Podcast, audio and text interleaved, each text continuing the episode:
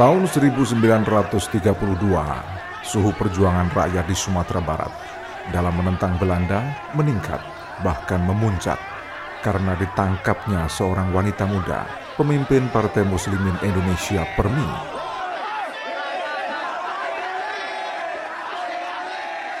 Perempuan itu dikenal sebagai penulis yang sangat mumpuni. Ia juga seorang orator ulung. Rasuna Said namanya. Umurnya baru 22 tahun. Ia ditangkap lalu dipenjara, akhirnya dihukum dan diasingkan ke Semarang.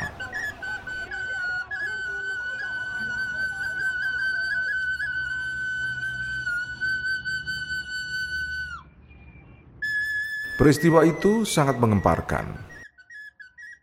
Beritanya dimuat di dalam surat-surat kabar Indonesia dan Cina Melayu.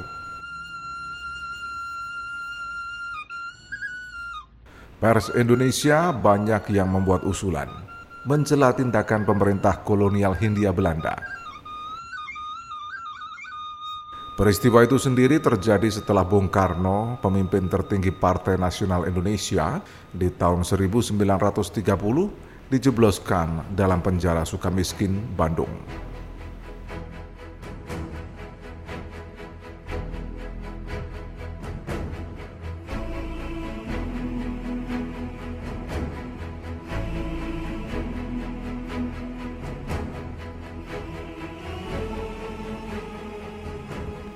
Perhitungan Belanda sama sekali meleset.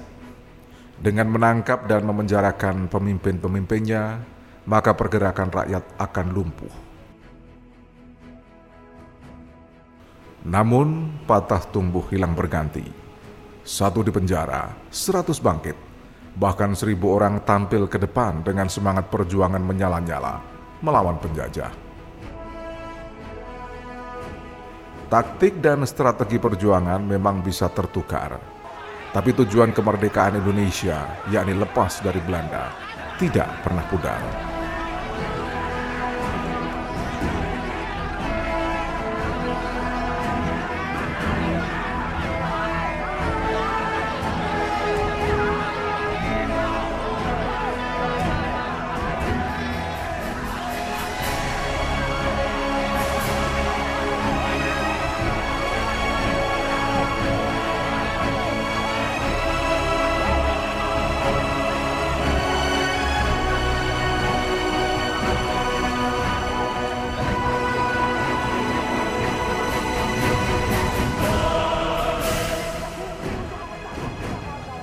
Gerakan Rasuna Said sebagai wanita muda Islam dari tanah Minangkabau merupakan sebuah kejanggalan pada masa itu. Karena perempuan Minang masih banyak terikat pada adat dan agama. Namun Rasuna, putri Haji Muhammad Said, dengan segala keberaniannya telah merintis gerakan perempuan Minangkabau dengan tidak menyalahi adat dan agama. Ia maju bergerak berkat pimpinan guru-gurunya dari kelompok kaum muda yang membawa aliran pembaruan Islam di Sumatera Barat. Para pemimpin itu di antaranya adalah Buya Haji Abdul Rashid, Buya Abdul Karim Amarullah, dan Haji Udin Rahmani. Orang-orang itulah yang telah menempa jiwa Rasuna Said.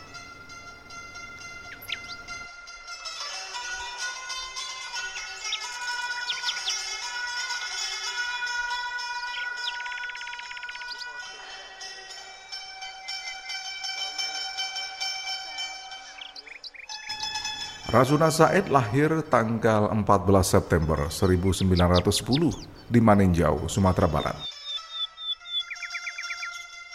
Rasuna kecil tinggal bersama pamannya dan memimpin usaha bersama. Usaha dagangnya berhasil hingga keluarga itu cukup kaya dan terpandang.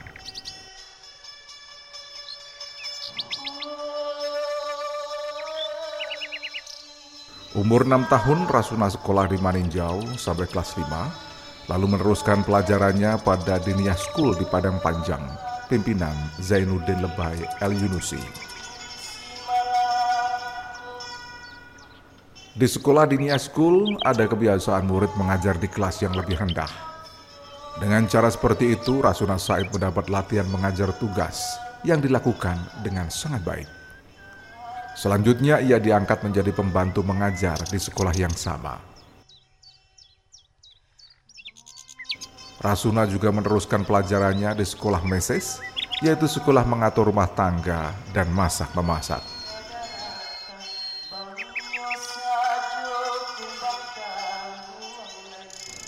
Saat terjadi gempa hebat di Padang Panjang tahun 1926, Rasuna pulang ke Maninjau.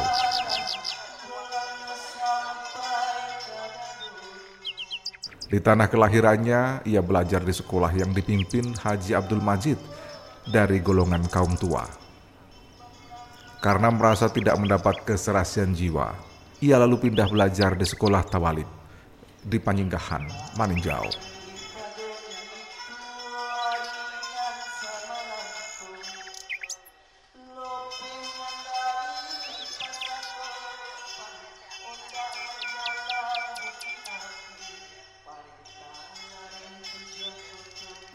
Di sekolah itu Rasuna Said termasuk murid terpandai.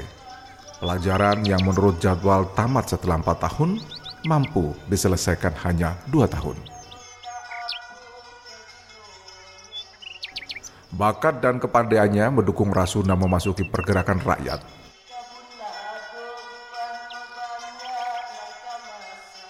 Ia dikenal punya sifat jujur dan ikhlas. Pada saat itu pemikirannya juga dinilai radikal keras, berlandaskan tabiat suka berterus terang, baik dengan kawan maupun lawan. Ia pun pandai menyimpan rahasia pergerakan untuk melindungi anggota-anggotanya.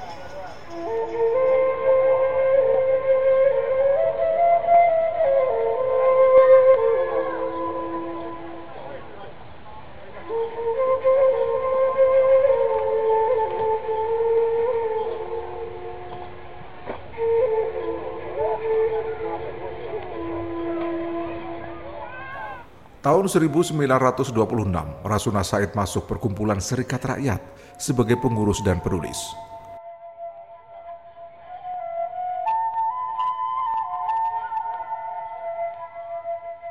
Kemudian Serikat Rakyat menjelma menjadi PSII atau Partai Serikat Islam Indonesia. Pada saat yang sama, ia juga menjadi anggota Persatuan Muslimin Indonesia PERMI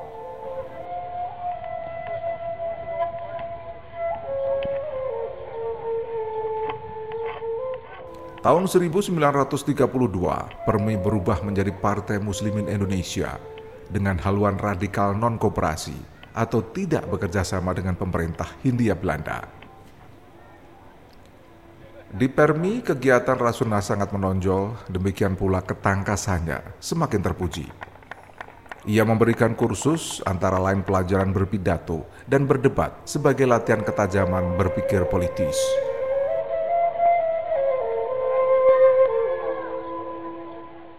Ia sering memberi ceramah pada anggota Permi dan berpidato di muka umum, membentangkan asas dan tujuan partainya, yakni nasionalisme yang berjiwa islami dan berhaluan non-koperasi untuk mencapai Indonesia merdeka.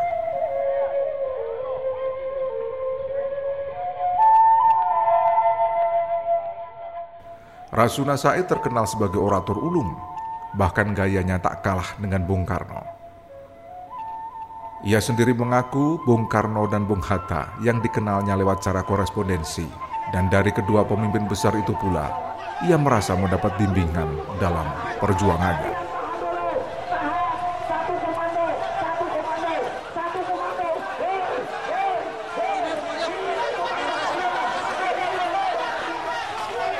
Partai Muslimin Indonesia, PERMI, berkembang pesat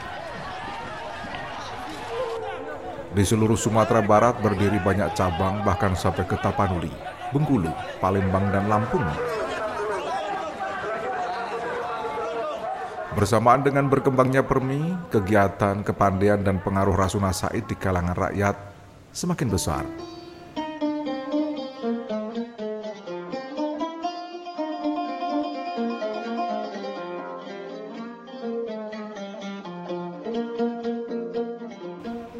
Pada saat yang sama, perhatian polisi urusan politik Hindia Belanda atau PID semakin meningkat. Pidatonya yang dinilai terlalu keras, kemudian dianggap sebagai pelanggaran ketentraman umum. Setelah berkali-kali diperingatkan, Rasuna Said akhirnya ditangkap dan dipenjara.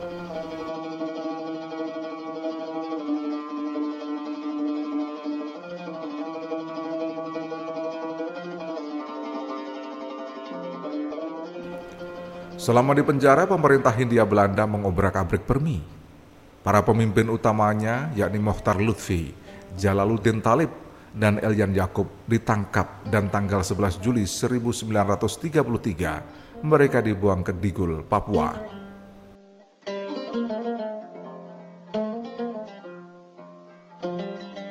Kenyataan itu menyebabkan hati Rasuna Said amat pilu. Apalagi tindakan pemerintah Hindia Belanda terhadap partai itu kian kejam dengan menjalankan intimidasi kepada para pengikutnya. Tertutuplah jalan bagi Permi untuk bergerak karena langkahnya dibatasi berbagai peraturan dan larangan.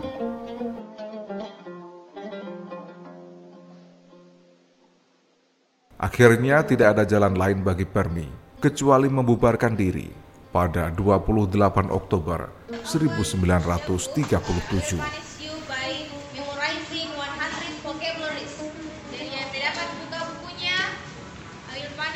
Oke, daerah Miss.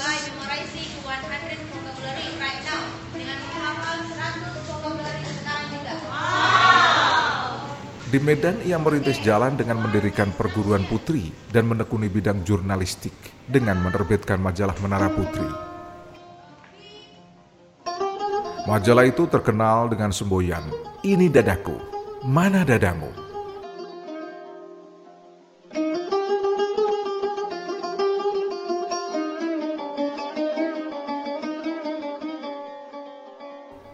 Semboyan itu mempunyai arti ganda, baik untuk para pembacanya maupun untuk pihak mana pun, termasuk para penguasa. Semboyan itu juga mengajak berbicara dan berbuat terang-terangan, namun tetap jujur dan adil.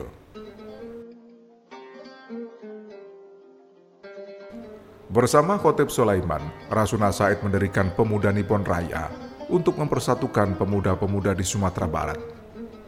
Awalnya perkumpulan itu bekerja sama dengan pemerintah Jepang, namun hakikatnya membentuk kader-kader perjuangan kemerdekaan. Suatu saat ia bertemu dengan pembesar Jepang, Mishimoto. Ia kemudian berkata, Tuan boleh menyebut Asia Raya karena Tuan memang menang perang. Tapi Indonesia Raya pasti ada di sini, di dadaku, juga di dada setiap pejuang.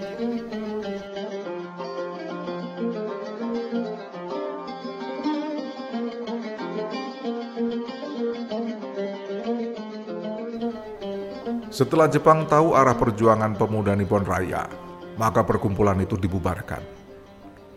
Para pemimpinnya ditangkap, tapi kemudian dibebaskan karena pengaruh mereka sangat besar di kalangan rakyat dan pemuda.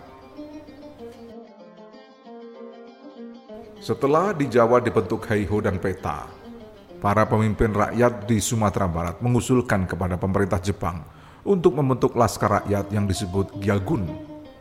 Usul itu diterima Pelaksananya Khotib Sulaiman, sedangkan Rasuna Said sebagai pemimpin putri dengan nama Tubuh Ibu Pusat Laskar Rakyat.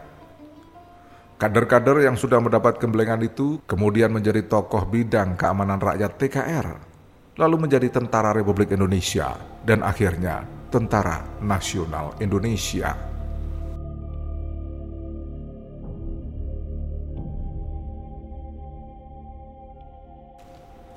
Tanggal 13 Agustus 1945, Rasuna Said bersama dengan tokoh-tokoh dan pemimpin-pemimpin lainnya membentuk Komite Nasional Indonesia KNI Sumatera Barat untuk memantapkan dan mempertahankan kemerdekaan Indonesia.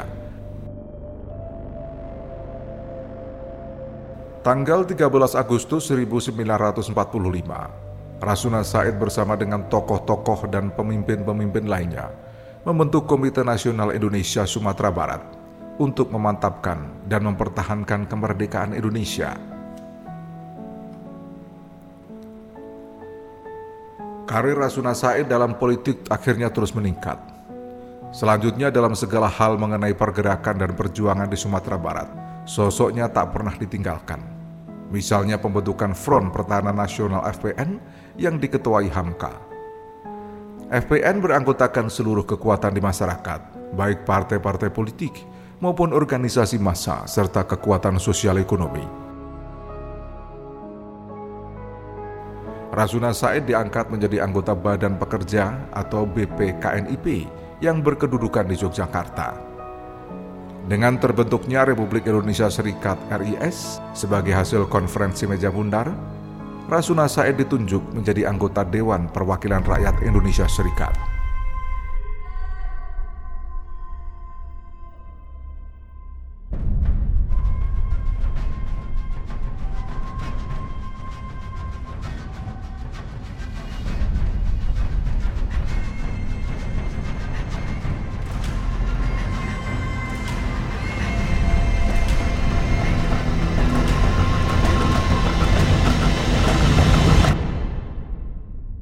Sejak masa gadis, Rasuna Said terus berjuang dan tak kenal henti, kecuali diistirahatkan di dalam penjara oleh penguasa kolonial.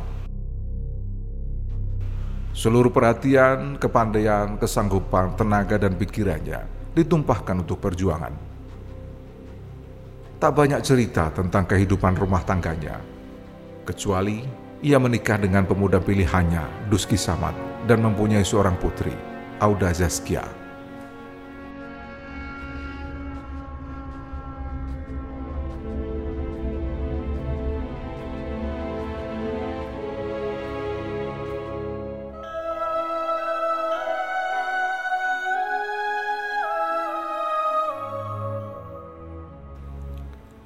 Rasuna Said benar-benar tidak pernah berhenti dari perjuangan sehingga kurang memperhatikan kesehatannya. Terbukti ia kemudian didiagnosa mengidap kanker. Karena penyakit itu pula, Rasuna Said meninggal dunia 2 November 1965. Jenazahnya dimakamkan di Taman Makam Pahlawan Kalibata. Pada saat meninggal, almarhumah yang bernama lengkap Hajah Rangka Yurasuna Said adalah anggota Dewan Pertimbangan Agung.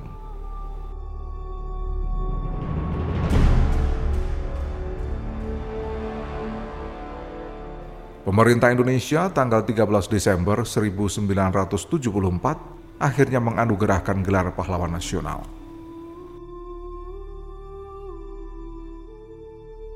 Perjuangan HR Rasuna Said seolah tenggelam dalam sejarah perjuangan bangsa. Meski namanya telah diabadikan sebagai nama jalan protokol di berbagai kota di tanah air, namun tak banyak yang tahu siapa sosok pahlawan nasional itu. Sosiolog Melayu Dr. Rizwanti mengatakan, sekarang ini sejarah gampang dilupakan karena para pemimpin lebih sibuk memikir ekonomi dan politik ketimbang menelaah sejarah bangsanya sendiri kita sudah lupa sejarah ataupun sengaja nak melupakan sejarah. Saya rasa orang yang cuba membangkitkan balik soal ini ataupun sama ada dia sengaja lupakan sejarah ataupun tidak tahu sejarah ada kepentingan-kepentingan tertentu. Sebab kita mesti ingat bermasyarakat majmuk di negara kita ini dia tidak berlaku secara semula jadi. Ini fakta ini mesti difahami. Allah jadikan manusia ni cukup cantik dengan sifatnya. Tuhan jadikan orang Cina maka terbit namanya negara Cina. Tuhan jadikan orang India, maka tempatnya terbit nama negara India. Allah jadikan orang Arab, maka berkumpullah orang-orang Arab di negeri-negeri Arab dan sebagainya. Sampai ke Asia Tenggara. Allah jadikan orang Melayu, terbit namanya Tanah Melayu, termasuklah Indonesia, Brunei dan sebagainya. Ini sejarah fakta yang kita tidak boleh lupakan dan ataupun sengaja kita lupakan.